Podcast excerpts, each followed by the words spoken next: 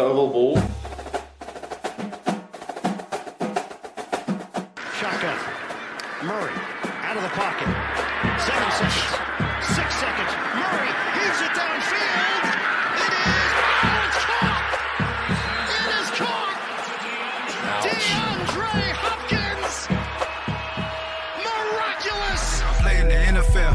I think I play in the NFL. I think I play in the NFL.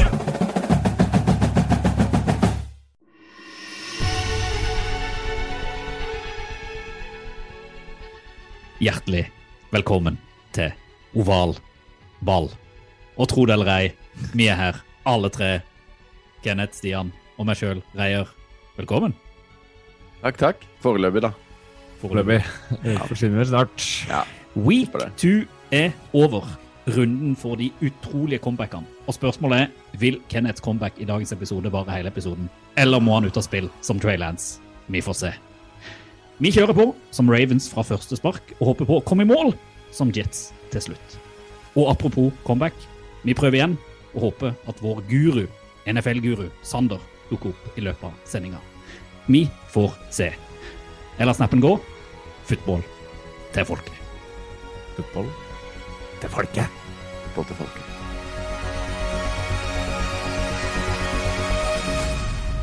Det er ikke bare NFL-spilleren som har vært ute og konkurrert den helga, Stian. Du har eh, vært en av de som har blitt eh, skjelt ut for å stoppe kollektivtrafikken i Oslo sentrum.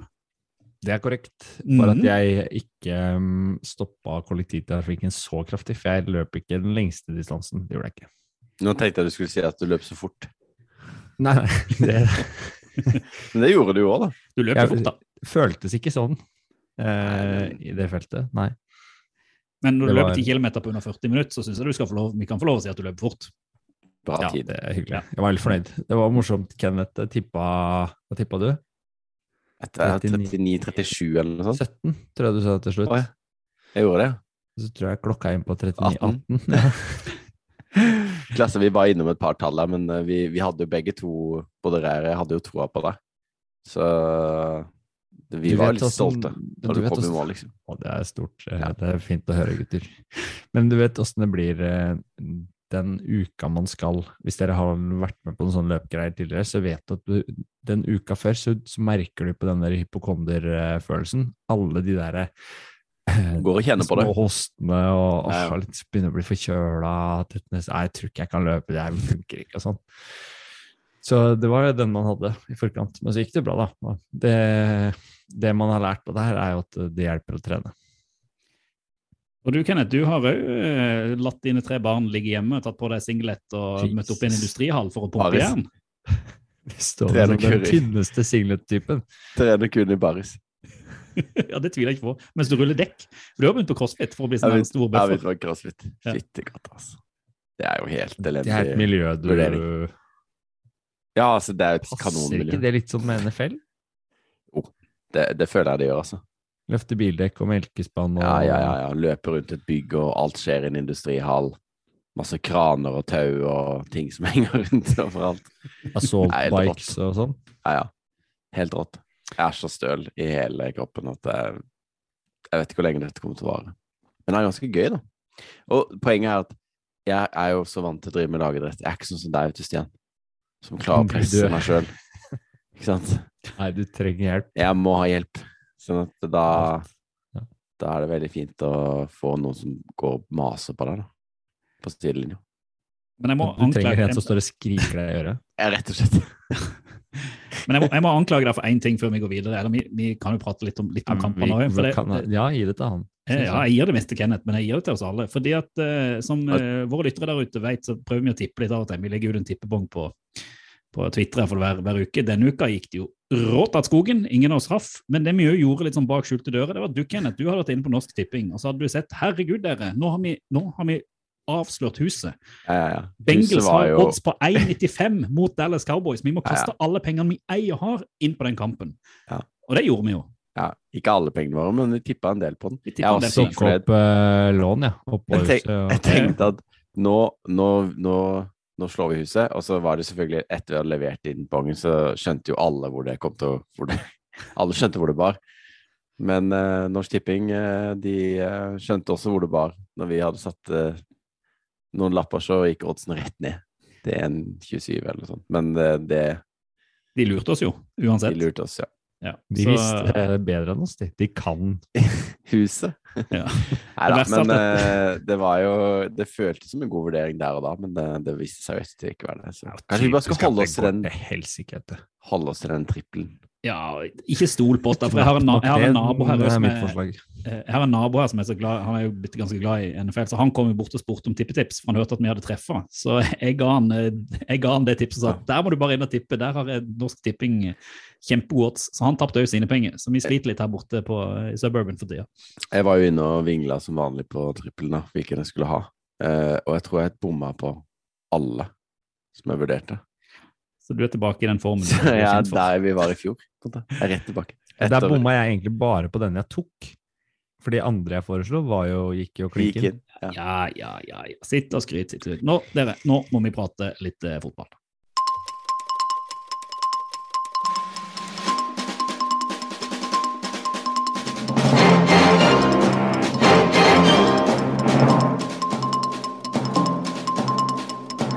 Det har vært eh, ny runde. Det har skjedd altfor mye i bare den andre runden. Altså, vi kommer ikke til å dekke alt. Men, Hvilerunde, eh, da, eller? Eh, ja. Men, jeg sier men, vi har jo blitt eh, en ny tradisjon med at vi har valgt ut en kamp eh, i forrige episode som vi skal ha et litt ekstra fokus på. Og så håper vi jo da at vi velger gode kamper. Uh, og nå skal jeg bli veldig skjematisk, for vi har jo med en lærer å gjøre. Og når man ikke er skjematisk og ordentlig med en lærer, så får man høre det.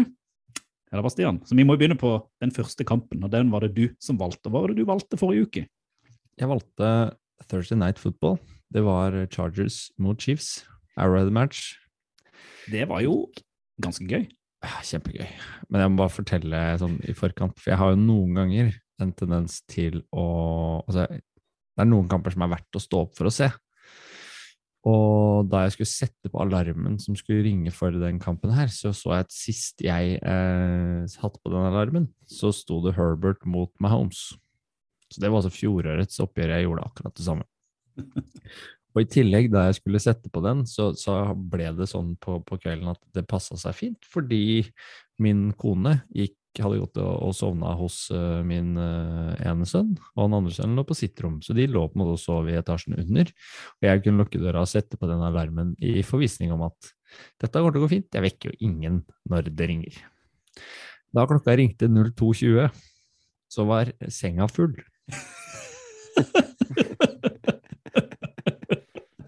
Og undertegnede klarte i tillegg å trykke på slumre og ikke på stopp.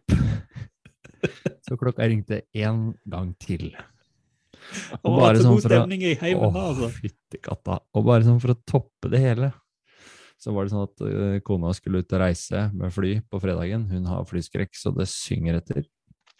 Og var stressa da hun skulle legge seg og sleit med å sovne. Og da hun endelig sovna, eh, så måtte man gå litt musestille rundt. Og da klokka ringte to ganger, eh, så klarte ikke hun å sove igjen. Så hun stressa seg så fælt opp at hun ble hjemme i helga. og klarte ikke å dra. Nei. Fy faen, Stian. Så jeg måtte legge meg litt kupert. Du er ennå gift, eller? Enda gift, utrolig nok. gift med en idiot, dette. Så hvis dere der ute lurer på om vi ofrer noe for ovalball, ja, Stian gjør i hvert fall det. Ja, Ja. Det det- gjør jeg. Men det må sies, kampen i seg sjøl, kjempekul uh, toppkamp mellom to lag som uh, helt garantert kommer til å være med i Superbowl eh, og inn i playoff og gjøre kjempegode kamper, og kommer til å vinne veldig, veldig mange kamper. Uh, Chargers kanskje spesielt, som gikk ut av startblokkene kjempesolid og egentlig hadde kampen i sin hule hånd helt til det kom en interception som eh, som eh, ble løpt inn, og den var jo Ja. Jeg syns den eh, snudde hele matchen. Jalen Watson løp vel inn 99 yard eh, touchdown, ja, og da sto det vel eh, 17-17. Mm. Det er så lenge siden. Det har skjedd Ja, så mye siden sist at det er jo umulig å huske, nesten. Men ja. Men vi pratet, jeg tror vi prata litt om det, for det var jo, jeg tror alle satt med det inntrykket at eh, Chargers fra i fjor til i år. Nå satt de med full kontroll. og skulle altså Hadde Herbert bare greid å fått den eh, touchdownen, så tror jeg Chargers fint hadde vunnet den kampen. For de virka til at de var i full kontroll. Men så fikk da Chiefs den eh, pick sixen og, og snudde det rundt. Og da plutselig greide de å ta kontroll på kampen på, på, sin, på sin måte. Men jeg tror, eh, som du sier, dette her var to av de aller aller beste lagene i NFL i år. En skikkelig god kamp, gode Mm. angrep, relativt gode forsvar. Jeg syns jo enda Chargers' forsvar er bedre enn Chiefs sitt. Eh, Enig. Og det de gjorde som var bra, var jo måten de egentlig tok ut Mahomes på, og de spillerne Mahomes har rundt seg. Har ikke helt samme nivå som Altså, du er avhengig av å ha en, en premium uh, wide receiver som kan friløpe seg og gjøre noe litt eget med ballen, sånn som Terry Killa, som har en sånn X-faktor. Den, den har de ikke. De har mange gode, jevne receivers som de kan spille på, men de har ikke den samme evnen til å løse opp et såpass bra forsvar, da. Og det gjorde vel at de trengte noe ekstra bakover på banen og, og en liten feil fra, fra Herbert, som egentlig spilte en bortimot feilfri kamp. Fikk noen trøkker, brakk noen ribbein og, og fullførte allikevel da, med noen sinnssyke kast.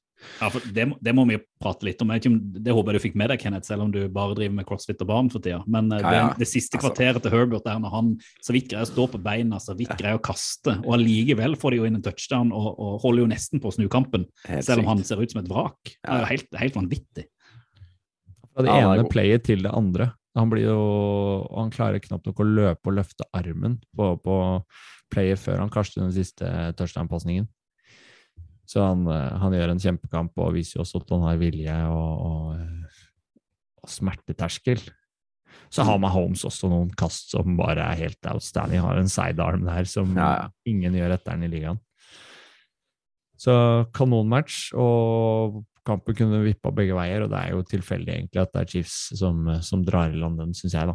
Det kunne gått Mm. andre veien, og det kunne endt uavgjort, for den saks skyld. Men det var et omen for hva som skulle følge resten av uka når eh, runden starter med den Thursday night og leverer på det nivået. Og i fare for at plutselig det var verdt, du... ja. Det var Hæ? faktisk verdt å, å, Ja, ja. ofre noe for det. I fare for at du plutselig må løpe, Kenneth, så tror jeg jeg peker på det først. For du var jo ikke her sist. Så eh, jeg, jeg, Vi hadde jo en diskusjon liksom, om hvilken kamp du skulle velge. Stian ville være slem, jeg ville være snill. Så jeg ga deg jo Giants Panthers, og Stian ville gi deg Browns Jets. Jeg vil egentlig gi en Texans mot Det Det var eh, kanskje det du ville, egentlig, ja. Ja. Uh, så jeg er jo veldig spent på hvordan du så Giants Pan Panthers, da. For det har du fått med deg, har du ikke det? Nei, altså, for at i chatten så gikk det jo på en måte at, at det ble bra. Jeg bare skjønte ikke helt at uh, Altså, jeg trodde det Har du ikke hørt episoden engang, liksom? Nei, altså, jeg sjekka det nå. Jeg har faktisk 21 minutter igjen av den episoden. Jeg har hørt, jeg har hørt en del, da. Mye av den. Så jeg har ikke sett noe av Giants Panthers, jeg. Da tror jeg du, Eller- da må du se den i reprise som straff. Ja. Jeg skulle gi deg Baker og Saquon, og så bare Ja, ja, greit. Jeg, jeg, jeg griner litt innvendig. Men hva, har du sett noe i det hele tatt, da? Hva er det altså, du ja. Poenget var at vi hadde jo Det var jo et lite huleste her hjemme forrige søndag. Sånn at eh, jeg endte jo opp med å sovne litt med en av ungene etter slutt, da. Og så våkna jeg jo i sånn halv elleve-tida, og da, hadde det jo, da var det sånn 3700 meldinger på chatten med dere, og så et jævla kaos som har skjedd. Men jeg har jo på en måte oppdatert meg etter ettertid, da. Eh, og sett på og sett på noen recaps og litt sånn, da. Så eh, jeg har jo da Jeg trodde det var Browns Jets, jeg da, helt til nå. Eh, når jeg skjønner at det ikke var det, da. Så jeg, jeg kan ikke si så mye om Giants Panthers utover at eh, Panthers må jo være det dårligste laget i NFL. Eller? Nei, det er et som er dårligere. Texans? Ja, ja, ja. Ja, Samme det, eh, i hvert fall. Eh, Browns Jets er to Eller Jets er jo også ganske dårlige, egentlig, men eh, de hadde jo en helt Altså det, det er helt utrolig, det som skjedde i den kampen der. Det var 1,55 igjen, og Browns leda med 13 To, poeng. to touchdowns. To touchdowns. 30-17, var det ikke det? Ja, eller de leda med 13, ja. De leda med 13 De bomma på de bomma. Ja, for, for det, den, den må vi bare ta hvis ikke du fikk det med deg, Kenneth. For det, det er to ting der som er så kult. Det er det første, det er at uh, Nick Chubb løper jo inn en touchdown Ja, når det er 1,55 igjen, som han ikke skulle ha gjort, fordi at Mm. eh, Jets hadde ingen timeouts igjen. Ikke sant? Feil nummer én. Så Ja. har du da min altså Jeg er jo ikke noe glad i Browns, da, men den ene, eneste helten jeg har fra Browns, Ja. er jo Cade York. Vår mann, Cade. eneste, eneste kickeren som leverte i week one, satt 58 yards. Han skal bare sparke det ekstrapoenget etter den touchdownen som Nick Chubb ikke skulle løpt inn, og så bommer han. Og da er det 1,55 igjen. Jets har ingen timers igjen Og og ligger 13 poeng bak. Ja. Helt vanvittig sykt. kan du si at i den kampen så vil jo Det vil jo bli huska for den sinnssyke avslutninga, men det var jo også Gareth Wilson, Wilson sin uh, breakout-kamp. Mm. uh, og så vidt jeg husker, så er jo det Stian sin offensive rookie of the year.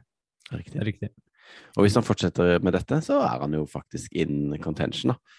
Eh, men det var ganske sykt å se Joe Flacco flytte ballen såpass ellevilt i løpet av de siste eh, to minuttene. Eh, og det var et onside kick som de fikk Fikk tilbake. tak i, ja. Eh, og eh, ja.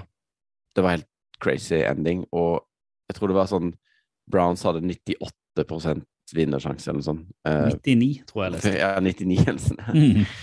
Så dette er jo én av 100, da. Én av 100, faktisk. Eh, man, man eh, hører jo og får med seg andre spådommer, og eksempel Joe Flacco har jo blitt eh, hudfletta i diverse andre mer nerdepodkaster enn det vi er, Mm. og sto for akkurat det samme. De turte jo ikke å plukke, plukke Jets av den ene grunnen at Joe Flacco skulle kaste ball. Og det er egentlig litt- han som gjør mye av grovjobben på, på siste touchdown der. Absolutt. Eh, en annen ting som man kan ta med seg, er at uh, Brissett faktisk spilte ganske bra for Browns også. Han hadde jo et par sånne hvor det han faktisk hvor det, hvor det var han som gjorde bra ting, da. Mm. Eh, ikke alle de stjernespillerne rundt. Så det er jo oppløftende for Browns sånn sett, da. At de eh, eh, At de kanskje kan klare å være in contention når Deshaun kommer tilbake. Jetso trengte jo virkelig en seier å få snudd, eh, få snudd en trend, for de har jo ikke Mm. bevist spesielt eh, gode Nei, dette var kamper. i- sykt. Hvis du regner med slutten av fjorårssesongen pluss det som har skjedd nå innledningsvis. Sykt så- viktig for Sala. Så er det jo deilig at Browns taper òg, er det ikke? Jo det er det beste det. som skjer. Altså, det er det deiligste. på. Også på den måten. Ja. Og At de får litt sånn juling av eh, Jets i tillegg, som jo er Men det det litt, litt for hele denne uka, det kommer vi tilbake til flere ganger. Men hvis man ser liksom, når man sitter og følger med på red zone eller på, på kampen altså Når man kom til tredje kvarter, til og med fjerde kvarter den kampen altså Jets så ut som det dårligste laget i NFL. Joe Flacco var ikke god. Altså, det, var det var ingenting som fungerte for Jets i det hele tatt. Eh, Browns var, Jeg syns ikke de var spesielt gode, de heller, men de leverte det de, det de skulle. Og så kom Mm. han ut, og så sitter man igjen da med en Robert Sala som ble filma som at han nå ser det ut som at han kommer til å få sparken snart. Ja. At du får jubelscenene to minutter etterpå, på, og Ja. Jets nå er friskmeldt. Og, og du har mange, du har, altså Det er jo ikke det eneste comebacket denne runden. Eh, så det er sånn interessant hvordan da to minutter bare kan vri et narrativ rett rundt i NFL fordi at man greier da å treffe, og, og Browns bommer. mm. Skal ikke så langt unna det hvis vi går til kampen din her, på hvordan det så ut for det ene laget kontra det andre, og, og snudde. Nei, jeg, jeg bare understreker, jeg sa sist jeg er god til å velge kamper. Jeg, jeg står for den, for jeg valgte ut uh, Ravens mot Dolphins. Mm. Uh, fordi at jeg trodde det skulle bli en, en tett og jevn kamp mellom to gode lag. Men når man satt der og, og skrudde på red zone, så starter det jo rett som at Ravens eh, tar imot eh, avsparket fra Dolphins og bare løper inn en touchdown. Og liksom altså, de er så- så jævla cocky, vet du. Hadde har valgt den kampen og bare slakter Dolphins, og så går jeg og legger meg. og våkner til de 3000 meldingene, så er det bare helt kalabalik. Det, var, altså, det så helt katastrofe ut for det Dolphins-forsvaret til å De- de begynne var- med. de Det var, var ikke bare så den dårlig. touchdownen der. Altså, Lamar var MVP i, i tre omganger. Han leverte på et sånt enormt altså, altså de, Det er nesten sånn hvis folk ikke har sett høydepunktene fra den kampen, så må man bare gå tilbake og se på de touchdownene. For de er liksom eksepsjonelle alle. Det er den første til Baltimore, så har du det løpet til Lamar Jackson hvor han løper det 72 yard eller noe. Mm. Ja. Inn, running touchdown, bare, bare gjennom. Kaste som om han aldri har kasta før. Har jo en Altså han har jo en sånn der, eh, Nå skal jeg ikke dra statistikk, da, men han hadde en, en, en passer rating på 158 i den kampen. Tre touchdowns, 228 yard, eh, 14 av 17 pasninger. Eh, løp 118 yards, hadde én touchdown der. Og da tenker du sånn Dette her, eh, dette er Baltimore og Lamar sin kamp. Og så bare skjer det et eller annet der òg, hvor bare eh, Dolphins skrur på. Eh, de lå vel under ja, var det, altså I starten av fjerde kv- eh, kvartal så lå de under 35-14. Mm. Det er ganske mye. Eh, og så våkner jo din helt opp, da, Kenneth. Eh, ut av det blå, for Han hadde vel to interceptions tidlig i Ja. kampen som bare gjorde at nå, man tenkte at nå er akkurat litt sånn som Jets, og at nå er han ferdig. Dette, her er, dette var hans sjanse. Han har vist at han ikke duger. Han er ute. Eh, og han får jo altså Tua, han får jo hjelp. Eh, han har to stykk ut på, på kantene der som begge tar imot ballen ni ganger. Har vel eh, Tyreek Hill to touchdowns, Jalen Wadler én touchdowns. altså jeg tror vel det er første gang to wide receiver har gått over 160 yards begge to. eller noe sånt. Altså, Så sykt godt. altså de, bare, de bare skrudde på og viste liksom Og Ravens falt totalt sammen. Det laget som så ut som eh, Ja, det, de kunne utfordre til Superbowl, så ut som at de ikke var gode nok for playoff eh, på slutten av fourth quarter. Altså det er og det, er liksom, den er, det har vært så mange av de kampene denne uka, her, så man lurer litt på om det er sesongstart eller noe. Men altså, der viste jo Dolphins at de kan slå alle, hvis de bare holder det nivået der. Eh, Toppnivået er helt ekstremt høyt.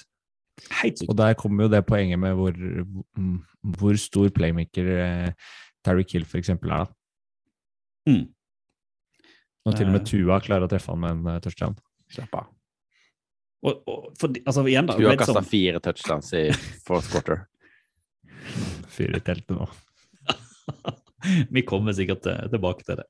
Jeg skal, jeg skal kanskje, ligge der, da. Jeg bare, Kanskje. kanskje. Jeg bare Tolv sekunder igjen. Dolphins tar den seieren. Det å sitte og se på Red Zone når du får den der Browns-Jets-kampen som du prater om, Kenneth, dette samtidig altså det er jo, Stua her, de skjønte jo ikke Folk trodde jeg var skada. Ungen min våkna nesten her nede, for jeg hylte jo sånn. Så øh, eh, Men jeg lar det ligge der. Eh, et par ord òg føler jeg vi må prate om. Det ble nevnt i introen. Eh, Trey Lance skulle bli San Franciscos eh, savior. Jimmy G skulle jo egentlig ut, skrev ny kontrakt, og nå kommer han til å spille fast resten av sesongen, sier han. Det ser sånn ut. Ankelbrudd på Trey Lance. Sesongen er ferdig. Mannen de trada bort hele fremtida si for, for the Niners. Vi snakka om det, at uh, måten de setter opp plays på, var veldig basert på at Trey Lance skal løpe, og da tar han hits og kommer i litt sånn ugunstige posisjoner. Og vi skulle ikke lenger enn til week two før det faktisk eh, smalt, og han var uheldig og, og ble tatt. Eh, kommer Jimmy G inn eh, og gjør egentlig en ganske god match. Og da endrer de hele oppsettet med flere pasningsspill.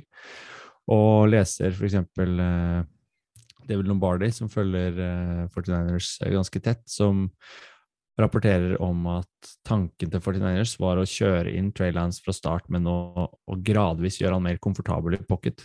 Altså at han måtte basere seg på å løpe mer i starten av sesongen for å bli komfortabel nok til å drive med mer pasningsspill. Mm. For jeg har sett at han ikke var der enda. Og det er jo en risiko å ta med, med en eh, såpass uh, løpeglad unggutt. Mm. Og det er kjempeheldig, men de hadde jo ingen problemer med å slå Seahawks. Det var ikke det det, det, det sto på. Hva tenker du om Gino Smith, Kenneth? Nei, det er jo bare tull det de driver med der borte i Seahawks, er det ikke det? Ja, altså, han Burde trade for jorda.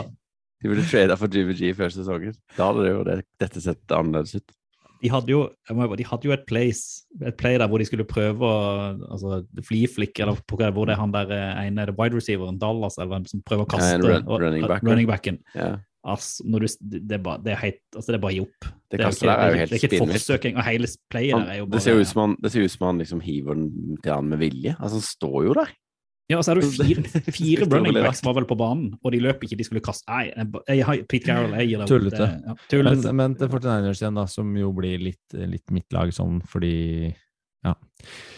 Du er Trey litt Lance eh, hadde man gleda seg til å se hele sesongen, og var et av mine høydepunkter her å, å følge med på. Og det er skikkelig synd at det ryker på et uh, såpass alvorlig ankelbrudd eh, i løpet av uh, bare runde to.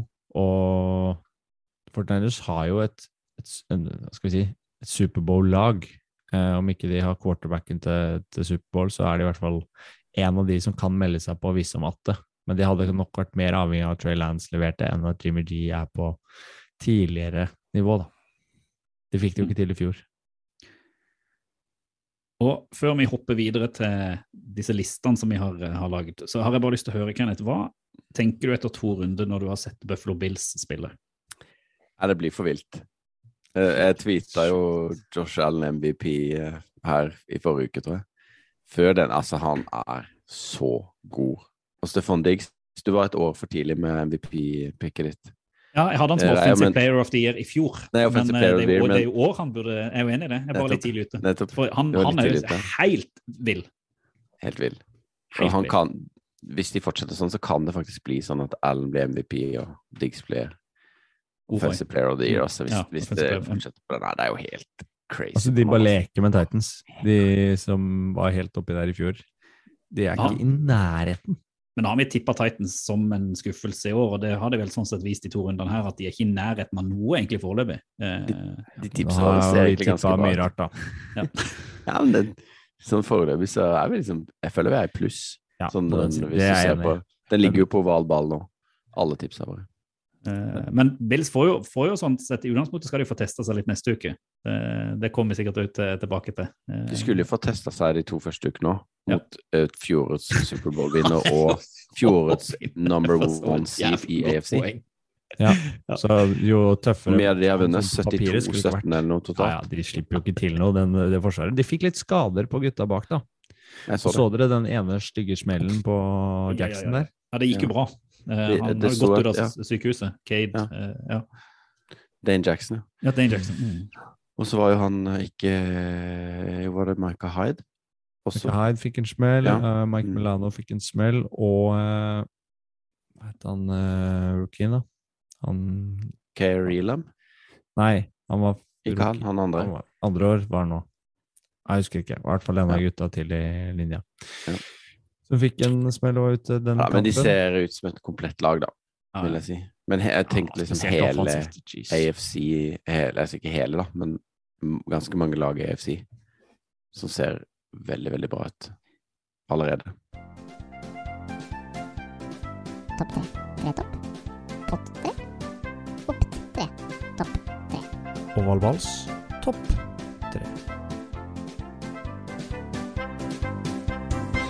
Topp tre. Jeg har gleda meg til den liste, listekjøret vårt igjen. Og vi har vært inne på en del av de punktene som blir nevnt, men det er verdt å nevne det igjen. Og i dag, Geir, skal du få begynne. Oi, det er ikke Hva er din tredjeplass for uh, week two? Uh, jeg tenkte jeg måtte begynne, jeg måtte begynne liksom med det, det minst spennende, men allikevel det, det spennende. Det er jo en av de kampene vi ikke har pratet om, og jeg vet ikke om det er så mye å si om han heller. Det var jo Patriots som møtte Steelers, som i gamle dager var en storkamp mellom Tom Brady og Big Ben, og nå var det en, kamp mellom Mitch Trubisky og eh, Nå står det jo helt stille. Mac Jones? Mac Jones. Det er jo eh, McDonald's. Men det var ikke det jeg skulle, skulle si. Det, det jeg ikke trekker ut, det er bare Før du tar poenget ditt, så Ja. kan vi jo henvise til bildet med, fra Alabama med McDonald's. Ja, Ja, det ser ut som han har vært mye på McDonald's. McDonald's. Det er derfor jeg, det er det jeg prøver å ha i Ja, men altså, også Hertz og, eh, og Tua er også med i det bildet, hvor McDonald's Ja. står med sigar. Det, det står seg godt etter den runden her. Ja, det er for så vidt riktig. Fort, fortsett. Eh, eh, jo, for det, der, altså, det var jo en, det var en slitekamp for begge lag, og det, det gikk litt fram og tilbake. Og så fikk de et break rett før eh, pausen, en sånn der two minute drill som de hadde rett før, før pausen, hvor da Nelson Aguilar eh, har et helt vanvittig catch. Eh, hvor Mac har et, har et relativt godt kast, men han da mottar ballen over hodet på er det Witherspoon eller noe, som er i, Mm. eh, i, i Steelers, og liksom greier å få han med ned med ei hånd. Og mens Witherspoon prøver å dra han ut, og så tryner Witherspoon, og Nelton Nagler bare snur seg rundt, står på beina og løper en touchdown. Og det var Ja, det egentlig det, som gjorde at den kampen havna mot, i Patriots sin favn. Så jeg bare jeg satt og så på Red Zone, jeg bare noterte det ned. for her, Det er liksom sånne ting som er så kult. Sånne enkeltmannsprestasjoner som bare gjør at en kamp vipper. Og spesielt da Eglor, som har Han har jo mottatt mye kritikk de siste årene eh, for eh, at han har dårlige hender. og ikke Jeg ta trodde Jeg ikke han kan kunne ta imot ballen. Jeg. Tror jeg, det, det jeg liksom husker han mest for, det var var det er noen år siden hvor det var en, en, en som ble intervjua utenfor et hus hvor han har tatt imot en baby, og, og sier et eller annet som at ja, ja, han, er, han greide å ta imot, uh, mot babyen, han er ikke like dårlig som Nelton Aguilar og Eagles. Ja. eller et eller annet sånt. Det, var, det er det som har satt seg. Så det var gul, litt, sånn, litt revansje. Så det, det er det jeg sitter igjen med fra den kampen, og da min tredjeplass. Kenneth. Ja, altså Jeg har en, bare en video som vi sikkert kan tweete ut. Det var jo at uh, Travis Kelsey var på Eagles-kamp uh, for å se sin bror, Jason Kelsey, uh, som spiller senter for Eagles. Og, og da hadde han rett og slett på seg en Eagles-drakt, med selvfølgelig Kelsey på, da, og Kelsey sitt nummer. Broren sitt, altså. Eh, og det føler jeg liksom Kan man gjøre det i andre sporter? Altså dra på, på kamp Han spiller jo i ligaen for et annet lag, på en måte, og har på seg da en Eagles-drakt. Hvordan, eh, Hva tenker dere om det? Nei fra meg. nei fra meg òg, Det er litt, det er litt men NFL spesielt. er jo Ja. Det går ikke. Ja. Det går Så ikke, det men det syns jeg var litt gøy, da. Det gikk jo der, da. Han Ja. er jo veldig De er jo sånn Eller han Travis rå fyr. Virker som en rå fyr. Ja. Ja. Men eh, apropos. Super contender, Philadelphia Eagles. Ja Vi altså, noterer oss de. jeg skal snakke litt mer om det etterpå. Å ja. De- Du har nummer tre, du òg, Stian? Jeg har en treer. Når vi lager topp tre, så pleier jeg også å, å lage tre tredjeplass. Jeg pleier å lage fire, men Jeg denne gangen har jeg faktisk bare lagd tre. Da begynner det liksom å slåss litt. Ja, der! Nå er vi på, på slåssinga. Nå kommer vi, nå nærmer vi oss noe av det jeg ønska skulle skje som spådom før sesongen. At det skulle bli litt eh, brawls, litt eh, fighting Ja, og en god spirit. Eh, Evans, Mike Evans og Sean Larimore. Marshawn, er det han heter? Marshawn, ja. Ja. Mm. I Saints og Bucks. Der var jo for Det jeg egentlig satte opp som hovedpoeng, poeng, er jo at eh, Brady var sint. Det starta med at Brady var jævlig sint fordi det ikke går veien på Tom Brady om dagen. Det ser trått ut, det er motbakke. Han klikker på medspillere, han klikker på seg sjøl, han klikker på, på eh, materiell som er på sidelinja. Og, På, og på seg. spådomsstian. Jeg spådde jo at han skulle gi seg midt i sesongen, og han lå godt an etter denne kampen her, altså. Det ser Ja. nærme ut nå. Men Stian spådde jo også at vi skulle få en svær slåsskamp i sesongen. Ja. Ja, det her var bare to involverte. Men det var ikke, det var ikke så Nei, det var ikke Det var mest liksom, knuffing og dytting. Liksom. Møtes ikke Saints og. Bucks en gang til i løpet av sesongen? Jo. Ja, da kan det skje. Ja. Men uh, Mike Evans forsvarte jo Tom Brady, uh, fordi Brady var oppe i trynet på Lattimore, Latimore, tror jeg. Og da løper jo bare Mike Evans ut på banen og Klakka til han. Isetakler og, og måker Latimore i bakken. Uh, og det er så fint det klippet du ser av Mike Evans etterpå, når han er borte hos dommeren og sier som Ja, men det var jo Tom Brady, hva skulle jeg gjort? Ja, og så er jo de Evans og Latimore har jo en lang historikk eh, om å ikke like hverandre. Eh, men eh, også er det som er litt sånn Altså, apropos Brady og ting som går galt i Bucks, det, det skjer så mye rart. Mm. Jeg skjønner ikke hva er det som er som skjer. Altså, plutselig var Bruce Arians nede på sidelinja der, eh, midt i kampen, og Fordi de Eh, mente at det, hadde ikke, det fantes ikke noe plass, det fantes ikke noe båsstand, så han måtte være der nede isteden. Det var argumentasjonen. Men nå, nå fikk de en advarsel av NFL. Ja. Ja, og så var jo, var jo uh, Julio, Jones, Julio Jones og Godwin var ute til kampen, og Evans liksom gjorde det der. Eh, og likevel så klarte de å vinne, da. Det var jo ganske sterkt. Men Ja. Og Brady ser herja ut. Han ser Ja, ikke ut som seg vet du, det er det er rart, altså. Something's up. Jepp, jepp. Ja, det Kanskje det Evans visste, så da måtte han forsvare sin gamle mann. Det er jo tredje, det er tredje gangen han og dette må ha dunka Ja, i hverandre. ja, Så eh, kanskje vi kan håpe på et fjerde. etter et påskudd, Mike Evans. Han fikk det. Skyld på Tom. Men han er ute nå når de skal møte Packers i week 3. Da han fikk Ja, jo suspensjon nå. Den ble stående selv om de anka. Ja. Mm. Og du? Andreplass, eh, Reier? Nei, det er rett og slett fordi at det var en glede å sitte og se Trevor Lawrence spille mot Indianapolis Colts. Eh, rett og slett. Altså Nå kan man si mye om Colts, som selvfølgelig er det laget vi har på Fantasy. Vi gidder ikke å si noe om Colts, altså. Det var helt, helt nytteløst. Men det var jeg tror dette er første kampen hvor jeg har sett Trevor Lawrence se ut litt som den quarterbacken som han trodde han skulle være når han ble drafta i fjor. Han var eh, kjapp, han var sikker, han var, liksom, det var gode kast. Mm. Og så hadde han jo Christian Kirk, som vi har mobba litt for denne kontrakten han fikk. Men han viste i, alle fall i denne kampen her mot Colts at han kanskje var verdt de penger de har gitt som en VR1. For det samarbeidet mellom de to eh, så kjempebra ut. Jeg syns def, altså, defensivet til, til Jaguars var helt fenomenalt. Altså Colts greide jo ikke å skåre poeng. Eh, og det står en tidligere MVP på andre sida der med Matt Ryan, selv om han er litt gammel og, og, og grå. Kaster Eh, bare bort ballen. ja, Matt Ryan. Det må være den, den offseason-hypen som har dødd Fortest. i historien. da. Og Matt Ryan han treffer alt, og bla, bla, bla. Colts blir farlige, og så bare er de så sykt dårlige. Det er helt, det er helt vanvittig. Uh, og Jag men jeg, jeg syns jo det Doug Peterson har gjort i Jaguars, var jo det man trodde. Men han har fått bygga opp Lawrence til å altså, Jeg føler han går, han går rundt der nesten med haka litt høyere, mer selvtillit, virker til å ha blitt liksom bygga opp. Og jeg, jeg tror det kan bli altså, Playoff kan godt, kan godt være i den divisjonen som de tross alt er i. Og jeg synes han, eh, spesielt med det forsvaret, så hvis han er såpass stabil, så syns jeg dette ser ganske bra ut. Da er det plutselig litt gøy med Jaguars òg. Hadde jeg aldri trodd jeg skulle si. Jeg tror ikke publikum i Jaguars står utenfor stadionet og roper på Urban Meyer, som de gjør i Nebraska College-kjøret. Hva skjer der? Det? de har mista det. Det er sykt. Det landet der, altså. Ja, Ja, det er så- helt eh, Det er så Vi hører om eh, Darling har noe på etterpå. Eh, men det var, det var min, da. Eh, Egentlig Trevor på lista. Ikke fordi han er dårlig, men fordi han er god. Ja, jeg er på rett til min, og det, er- det er jo Vi har Jalen Hurts på nummer to.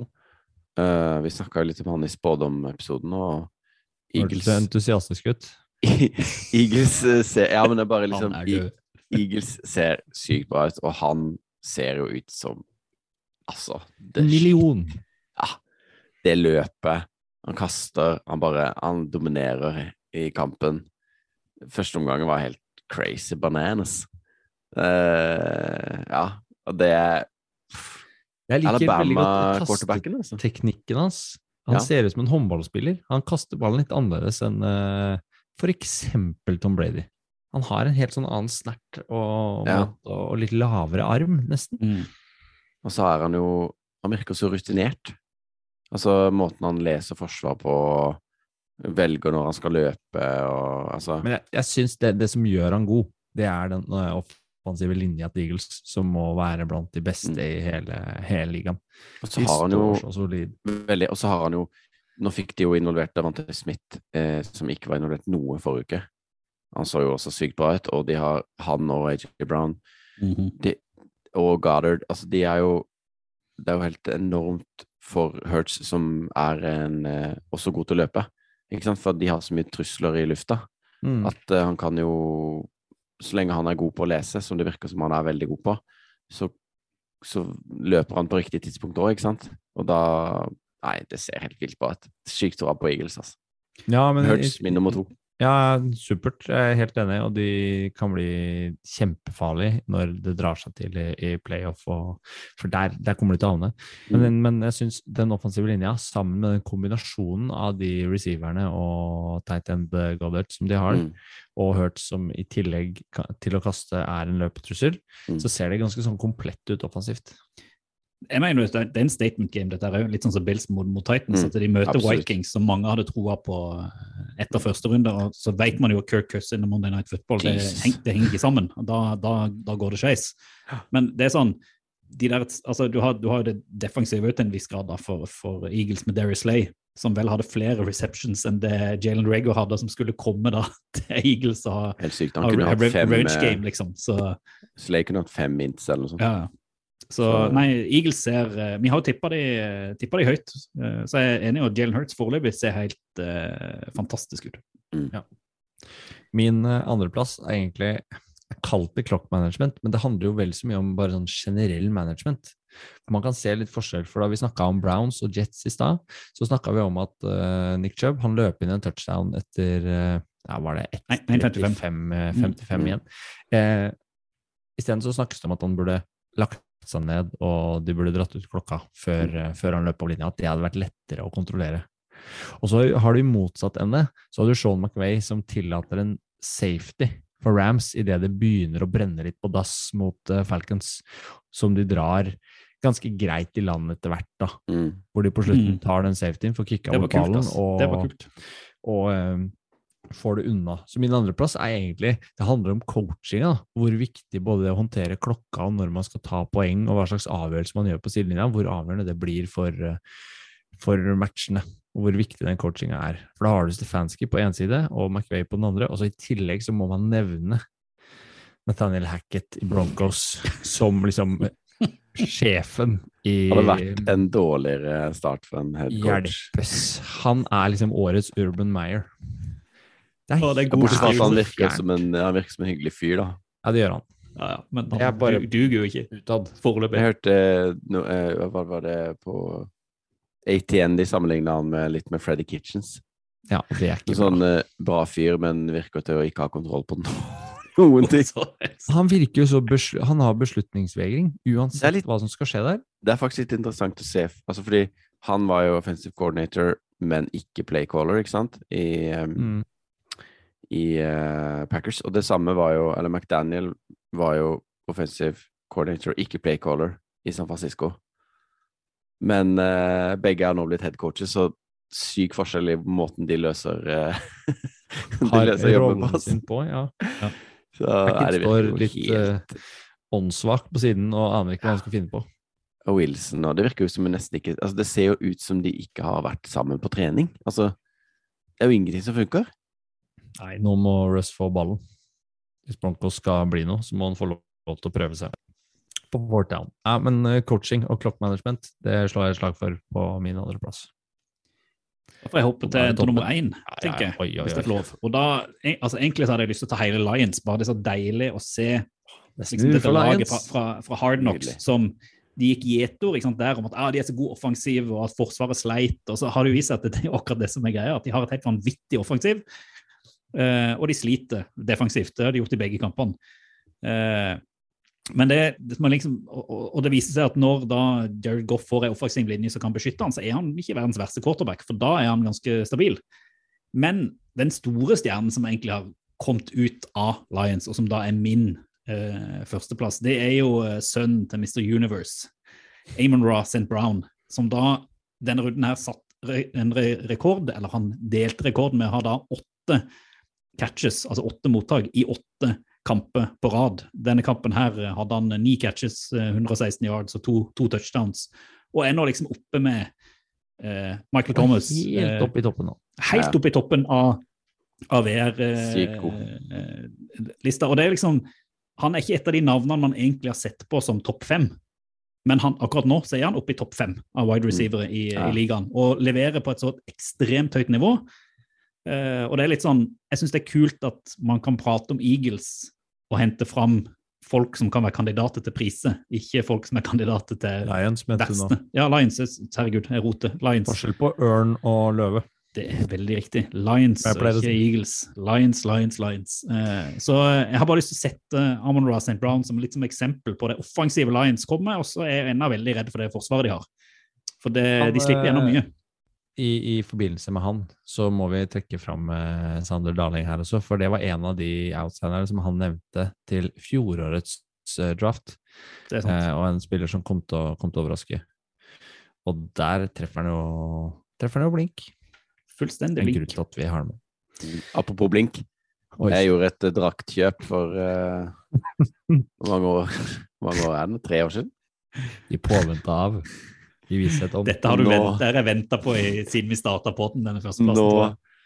Tua Tangavailoa viser seg som en superstjerne. Den superstjernen han er. Alltid vært. Uh, fourth quarter comeback. Fire touchdowns. Statement game. De slår Ravens. Dolphins er 2-0. Rett i playoffs, altså. Sava. Sava. det er kanskje ikke noe mer å si.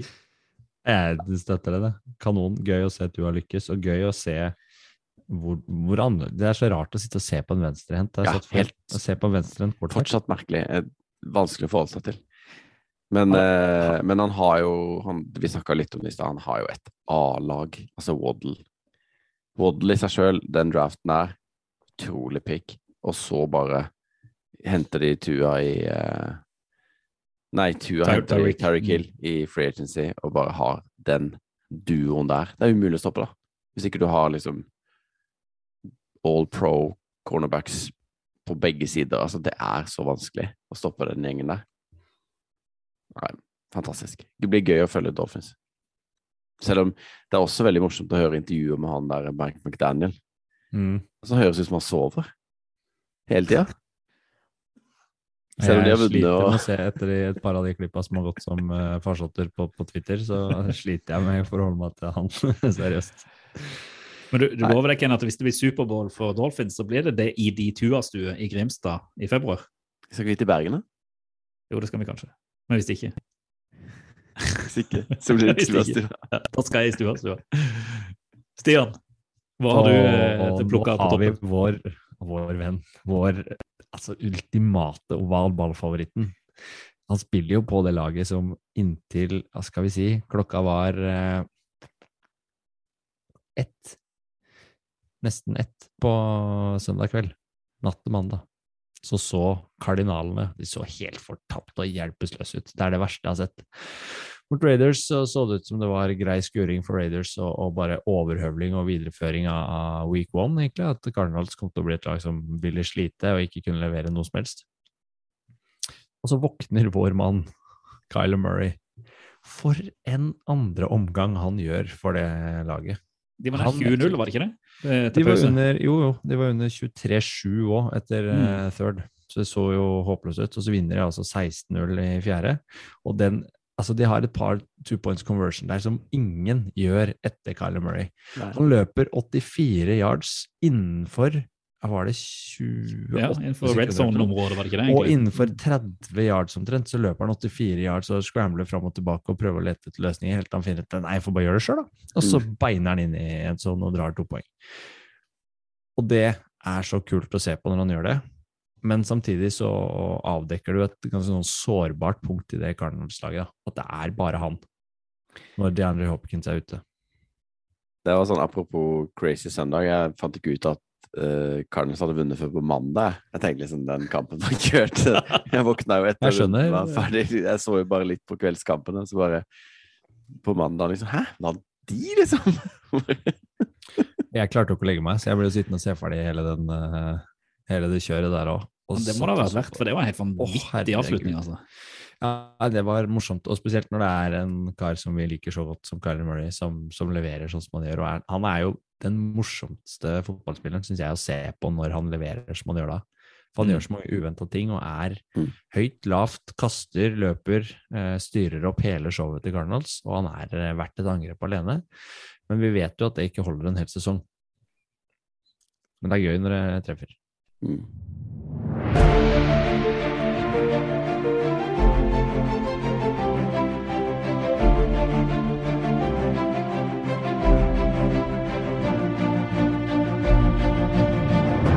Som spådd så måtte Kenneth ta en Trey Lance, bli båret ut eh, midt i sendinga fordi at eh, ungene hylte. Men heldigvis, eh, kanskje i motsetning til 49ers, så har vi en enda bedre vikar. Det er på en måte ikke en litt sånn gammel, avdanka Jimmy Groplow, men en ny og ung og meget veltrent og flink eh, Sander Daling. Er han kjekkere? Er han kjekkere? Ja, det, det var et, han driver nok ikke crossfit, men jeg tipper sånn ellers så slår han Kenneth på alle parametere. Er det? Ja, nei, crossfit er eh, det er det lite av. Det er veldig lite av. Skal Riktig helst være med ball, skal det ikke? Ja, helst eh, ball. Det er ikke vits å løpe hvis det ikke er en ball der, tenker jeg. Nei, det har man hørt. Nå, vet du, nå, nå er vi enige alle tre. Hjertelig velkommen, Sander. Tusen takk. Vi har henta deg inn fordi at vi, vi trenger litt, eh, litt ekspertinformasjon både om eh, hva som skjer eh, i NFL og i, i college, eh, og for så vidt òg noen gode fantasy-tips. Men før vi, vi hopper inn i det, så har jeg litt lyst til å spørre deg. Nå har vi brukt to uker på å diskutere alt som har skjedd i NFL. Men for din del, hvis du skal velge ut liksom tre ting som står ut, eller som du har lyst til å hente ut fra de to ukene hvor vi har sett kamper, eh, hva er liksom de liksom, topp tre tingene av Det kan være positive, det kan være negative, det kan egentlig være alt som du eh, har bitt deg merke i etter å ha sittet Jeg tipper det er GamePass du har sittet og fulgt med på de to, to første ukene. Ja, det har vært, det har vært veldig mye òg. man prøver liksom eh, hvert år før sesongen å på en måte gjøre seg altså Vi alle gjør oss jo opp forventninger til hvilke lag som skal være gode, og hva som skal skje. og, eh, og, og sånn, og så slår det totalt helt feil ut. Eh, kanskje spesielt i starten av sesongen, Mm. når det liksom er mye greier. Det. Eh, Så den første det er jo Patrick Mahomes. da. Det er jo fascinerende hvordan man, i hvert fall, i hvert fall jeg i perioder, bare glemmer hvor ekstremt god den fyren er å spille, å spille fotball. Hadde du avskrevet den? Nei, men det var liksom med Chiefs og Terry Kill borte. og liksom, De har jo vært så gode de siste årene at man tenker jo at Det er liksom formduppen må komme. Er og blasert med, med Patrick Mahomes. Ja, man er det. Og så, og så kom liksom han, Og han var jo, var jo dritgod i, eh, i postseason også. Men så klarer man liksom å rote seg inn i noen sånne rare tanker om at uh, i året er året hvor uh, de mister det litt, og de tupper litt av. Og, og det virker som ligaen òg glemmer litt av. Uh, for hvis det er en ting vi på en måte vet om å møte Mahomes, så er det at du blitser han ikke. Du, du trenger at det er fire, fire spillere som rusher han, og at resten bare biter seg fast i coverage på de, på de andre. Men det virker jo som at de to lagene han møtte nå, ikke har fått med seg. Ja, men Eller- spesielt Cardinals i første, første matchen. Det var jo ja, var så jo ekstrem. naivt forsvarsspill som du får det. Ja, det var helt ekstremt hvor uh,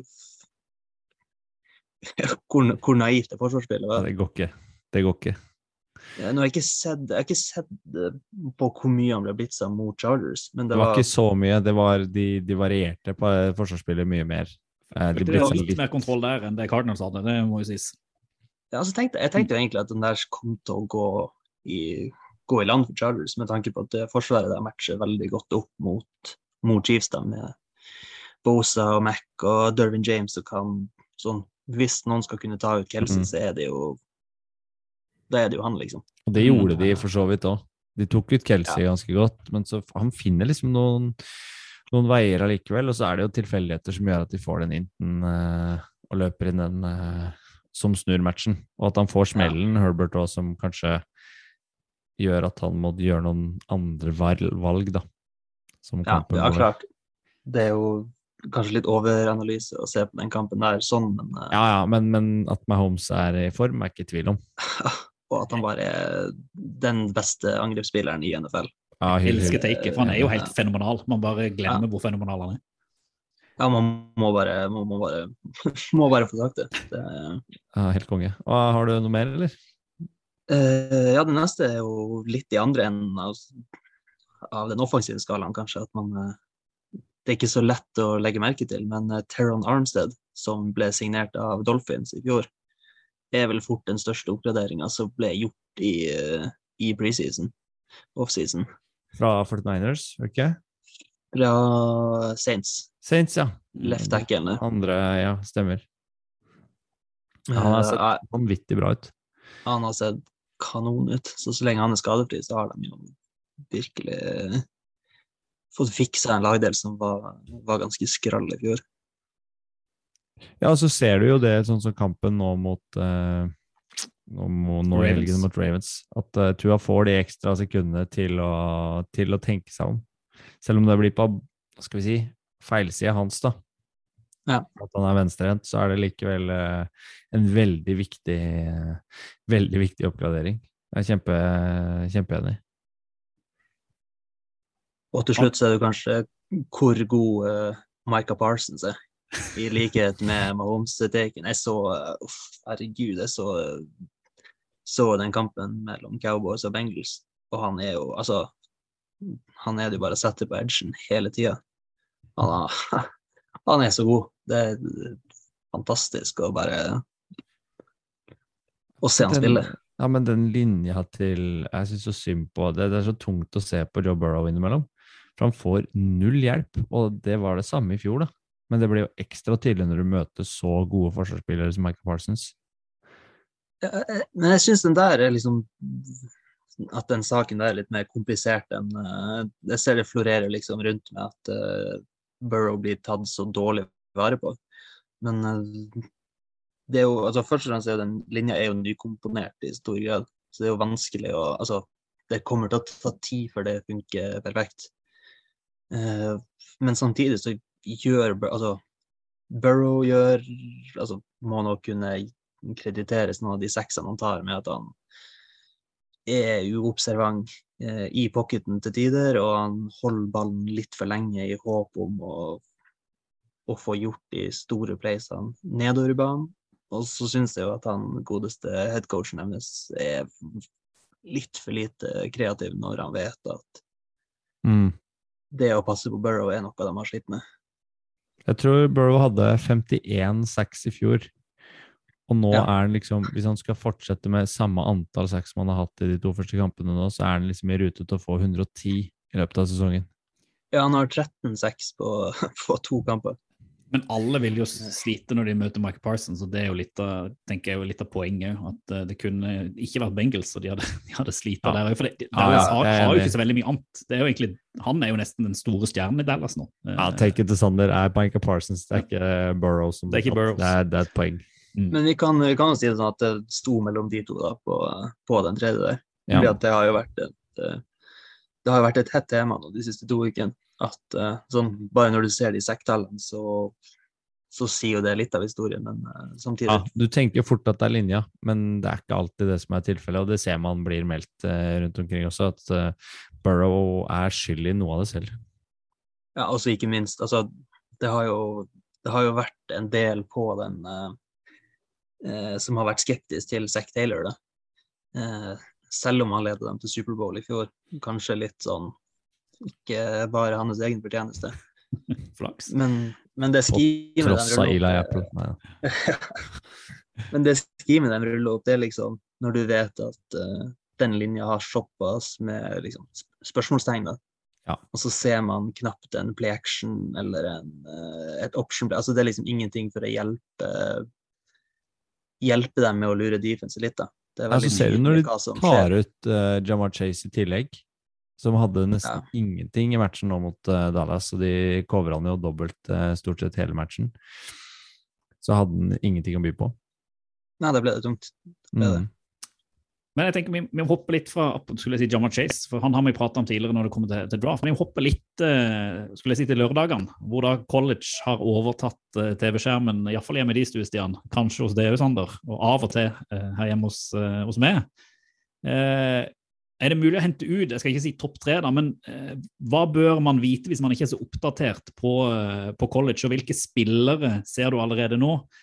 Eh, folk bør være oppmerksom på når det kommer til en draft i, i 2023, Sander. Og da tenker jeg kanskje egentlig de som har spilt, altså stått ut de to, altså de rundene som har gått foreløpig i college, kanskje ikke de som har spådd før sesongen. Uh, ja, godt spørsmål. Det er jo kanskje én som uh, Eller det er jo flere, men eh, den som har blitt uh, Som jeg har blitt meg mest merke til, det er jo running backen i Texas eh, Longhorns, Bishan Robinson. Eh, han eh, Han var jo klar før sesongen at det er en bra spiller, men eh, hva hadde det, ja, Jeg vet ikke helt tallet på han nå for helga, men han, er, han ser helt vanvittig god ut.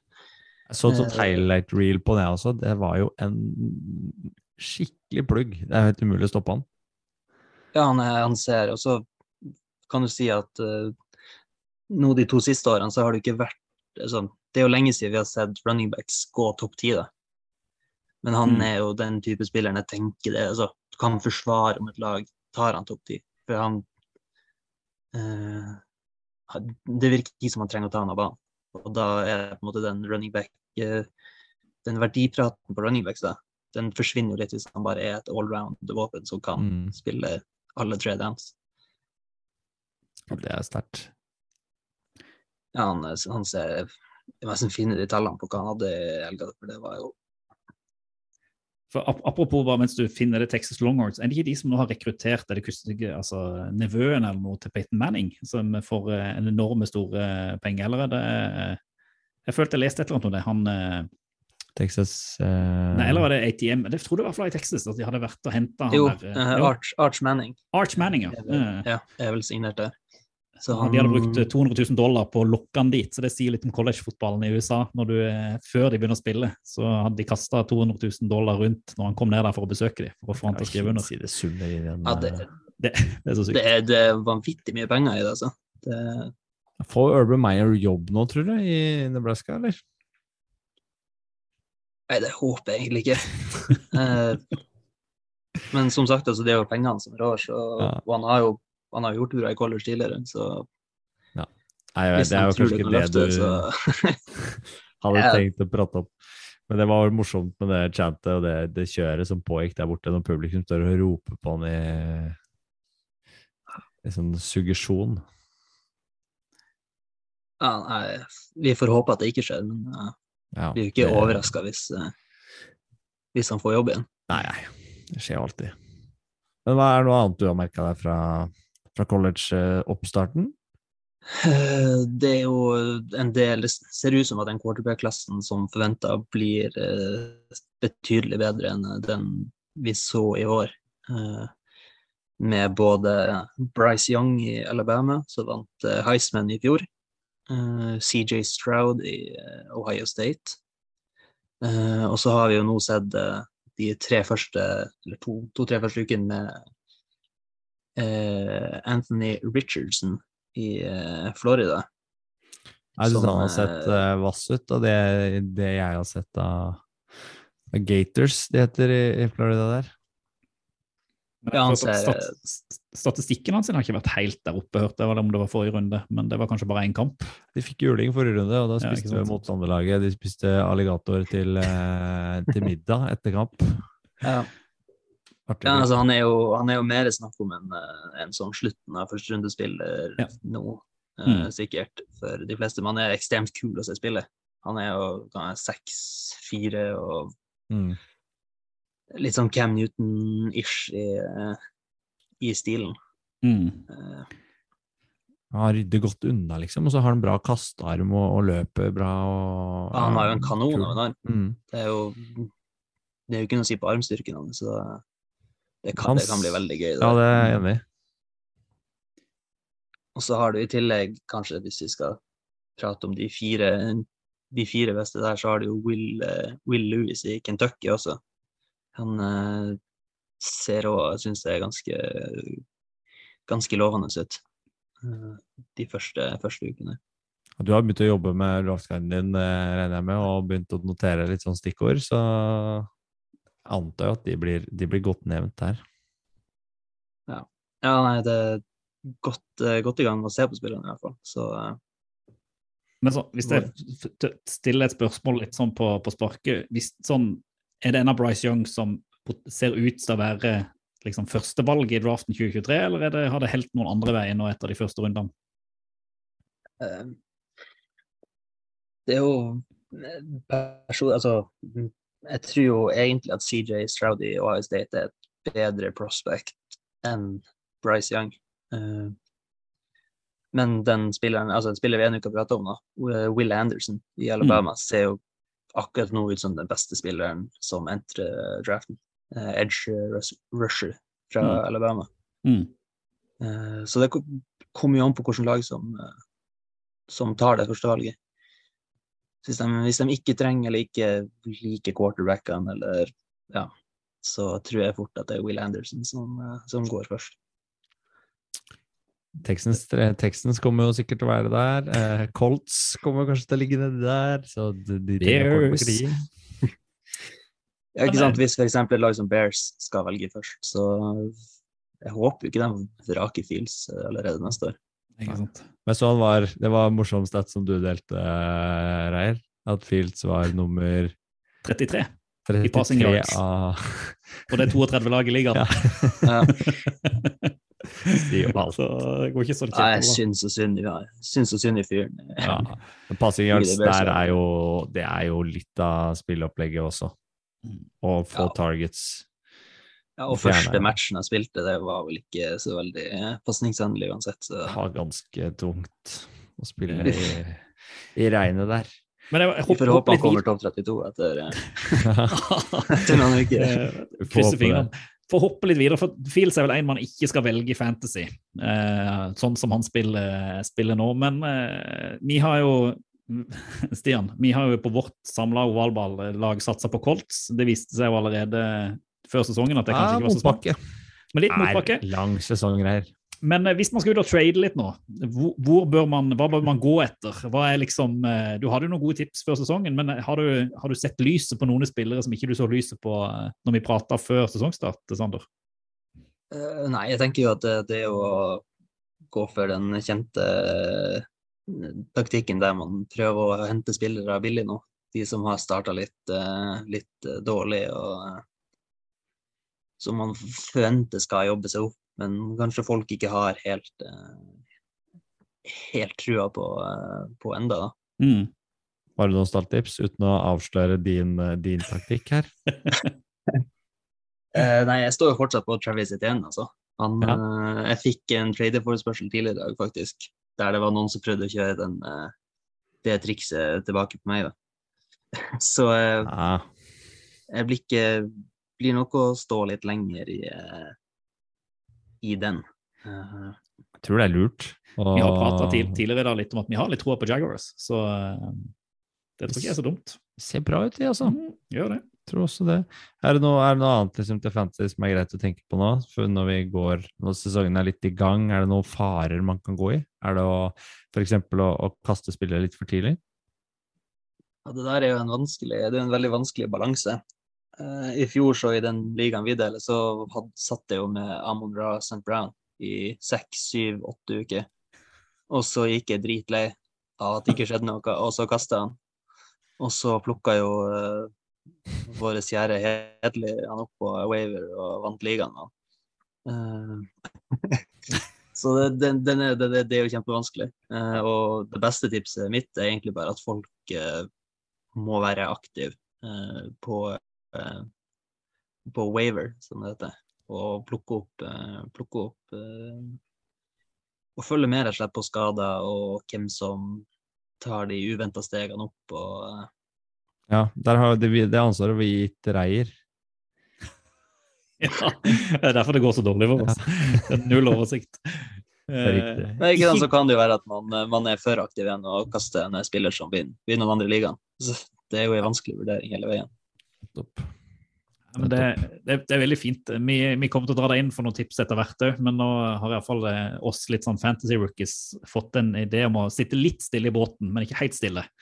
Det føler jeg Ja, som sånn- tipset. tips. Ja, sånn sett heller, eh, heller eh, sitte stille i båten enn en sånn overreaksjon. Hvis det er spillere som burde gjort det mye bedre og ikke har, ikke har fått det til ennå, så uh, håper at eh, regresjonen går andre veien, og ikke, og ikke at trenden fortsetter. Det er det beste jeg har hørt. Dette er gøy. Det der, det er fett. Oval ball anbefaler. Aldri en ovalball uten en liten eh, anbefaling, og i denne, denne gangen så går det litt i retning våre eh, venner i Pickback, selv om ikke det helt går i den retninga, Stian. De driver jo med litt sånn, jeg vet ikke om det er spons og hvem som sponser hva og bidrar med hva der, men, eh, men der har det seg sånn at Mattis Holt, som vi jo har hatt som gjest i, i vår pod, eh, og snakker med eh, plutselig, han har vært med og fått NFL-rettigheter til VG-sporten, VG+. Og det innebærer jo at de har begynt å kjøre studio på søndager og sender to kamper, og har fulgt oppdekning av det som foregår i NFL. Eh, det går ved rykter om, Sander, at du som meg eh, gikk på GamePass-smellen før vi fikk vite om det VG-kjøret. Ja, nei, det stemmer det. Det var jo eh, det fredag før, nei, onsdag før den torsdagskampen. Så innså jeg at det kom ikke til å komme noen rettigheter på noe norsk. Så da var det jo bare å, å få kjøpt GamePass. Så eh, Ja, jeg gikk også på akkurat samme, jeg kjøpte det på fredagen.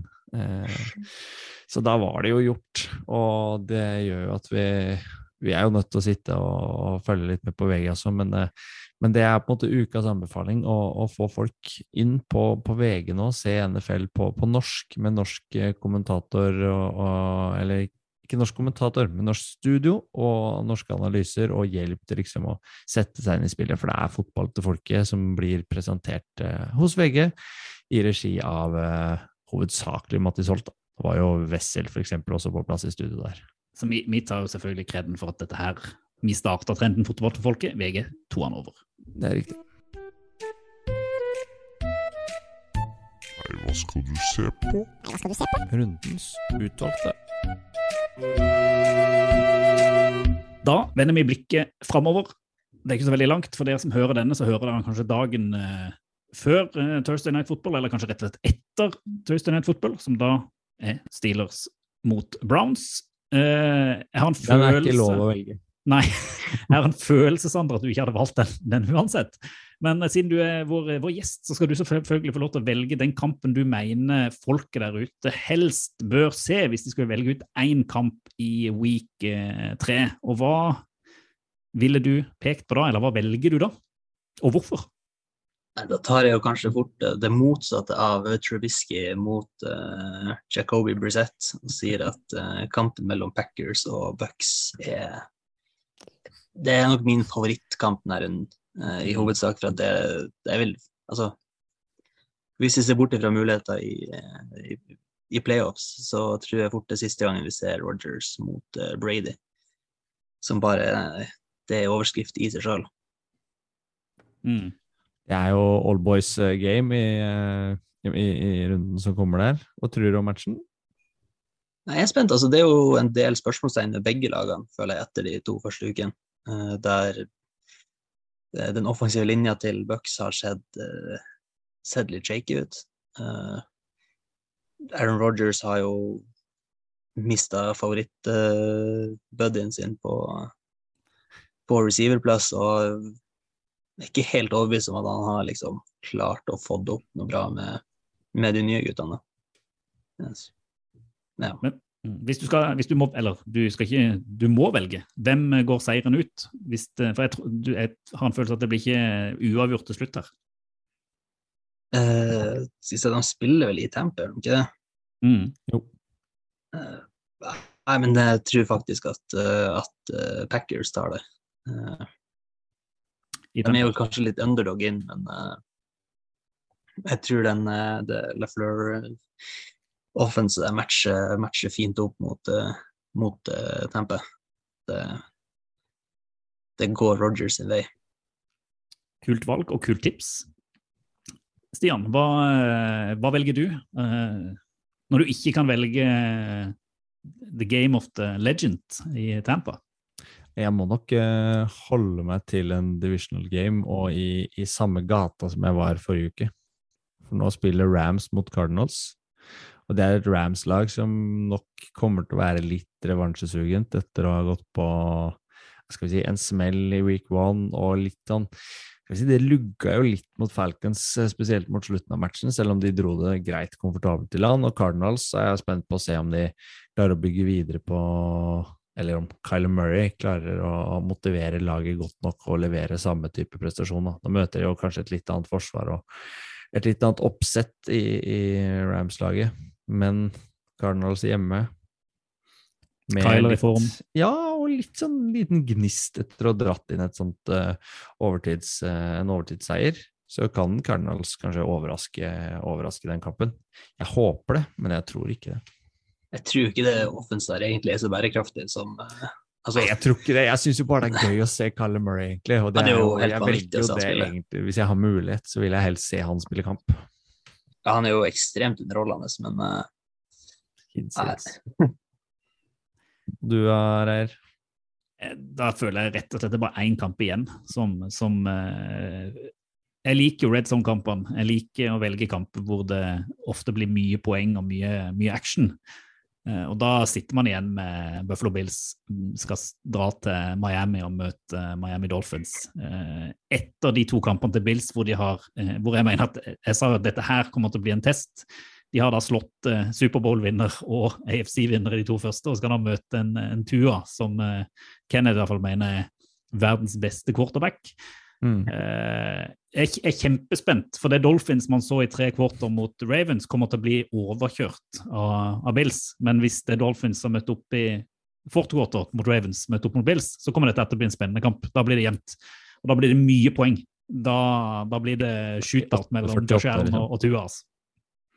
Men eh, jeg kan ikke se noe annet enn at Bills tar dette. her. Jeg vet ikke hva dere tenker, sånn ut fra hva jeg har sett. Men eh, jeg tror det blir dritgøy å følge med på han iallfall. Og den eh, jeg hadde i hvert fall, Hvis jeg hadde tippa nå, så hadde jeg tippa over den eh, grensa på poengsum her. For jeg tror det blir mye poeng. ja, uansett hva den grensa er, så er det fristende å si er over. lav. Den er for lav. Ja, den er for lav. Enig. Ja, Enig. jeg tror eh, det er jo kampen man nesten kan vurdere å se helhetlig. Og droppe Mm. bare Red Zone for å se den kampen eh, egenhendig.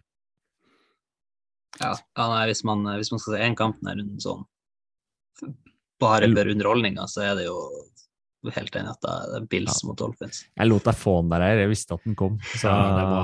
Det er godt, fordi at det siste vi må gjøre sånn eh, før vi gir oss i dag, det er at vi må velge en kamp til Kenneth, som han skal få lov til å fortelle oss om eh, når han kommer tilbake neste uke. Og jeg var argumenterte for good cop sist uke. han følger jo ikke med Han likevel. følger jo ikke med uansett, så nå skal du få lov til å bli bad cop, Stian. Og da skal du få lov til å velge ut den kampen du aller minst ville satt deg ned og sett. Den skal Kenneth få. Ja, jeg, det er kjempelett. Ja. Primetime game. Eh, Red Zone da for oss. Han skal se Texans mot Bears. Skal han få kose seg med. Overlegen match. Det verste er at uh, Texans er litt sånn en eh, guilty pleasure-lag for meg i år, altså. Eh, De er, de er litt, de er litt kule å se på. Jeg har sett. Davis Mills uh, sliter jo mer enn i fjor. Ja, ja det er så langt i hvert fall. Og Chicago får håpe på regn igjen, da, hvis de skal dra i land en seier her, tror jeg. Eller så får vi håpe kanskje det er Justin Fields eh, skikkelige åpning på, på sesongen. Det kan vi jo selge inn til Kenneth, da, at det får være Nå syns jeg de selger inn godt der, eh, til å være den kjipeste. Så det Så får han den jo i tidlig vindu òg. Det passer bra med barne... midt i legging. Ja, Det er sant.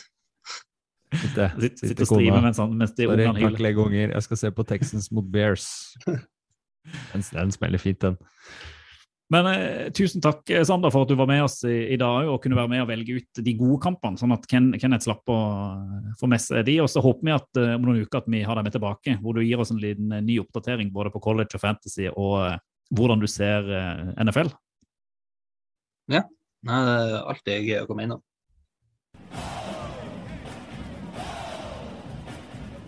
Ovalball. Fotball til folket. Det er så deilig når vi har eh, flinkere folk på benken eh, enn på banen. Deilig. Det blir mye glad i Kenneth. Men vi er, det er fint, da. Starte tre. Eh, kunne vært fire. Bli tre igjen, og så er vi to. Så, eh, men iallfall nydelig at Og så eh, var vi to. så var vi to, og så er vi ferdig. Mm. Nå er det snart ny runde. Jeg gleder meg som en unge til å bare hoppe inn i Thursday Night Football, selv om det er Steelers Browns, og uh, se hva som week 3 vil, vil bringe. Jeg tror Ja. det blir like gøy den uka som kommer. Jeg tror altså, det, det er jo alltid noen overraskelser. Det er alltid noen, noen smeller. Nå var denne runden, som du åpna med, comeback-runden. Kanskje vi får slåsskamprunden også til helga her. Åh, ja, ja, ja. Nå skal jeg ta og pakke kofferten min, og så skal jeg dra, til, dra på tur i helga. Så vi prates eh, når jeg kommer tilbake, akkurat i tide til å skru på Red Zone på søndag. Så takk for nå, Stian. Takk for dere. Og football til folket. Football til folket. Do the Titans have a miracle left in them in what has been a magical season to this point? If they do, they need it now. Christie kicks it high and short. Going to be fielded by Lorenzo Neal at the 25. Yeah, it Pitches to- it, back to Wycheck. He throws it across the field to Dyson. He's got something. 30, He's got something. 50. He's got it. 40, He's got it. 20, 10. He's got it. End zone. Touchdown Titans. There are no flags on the field. It's a miracle. Tennessee has pulled a miracle.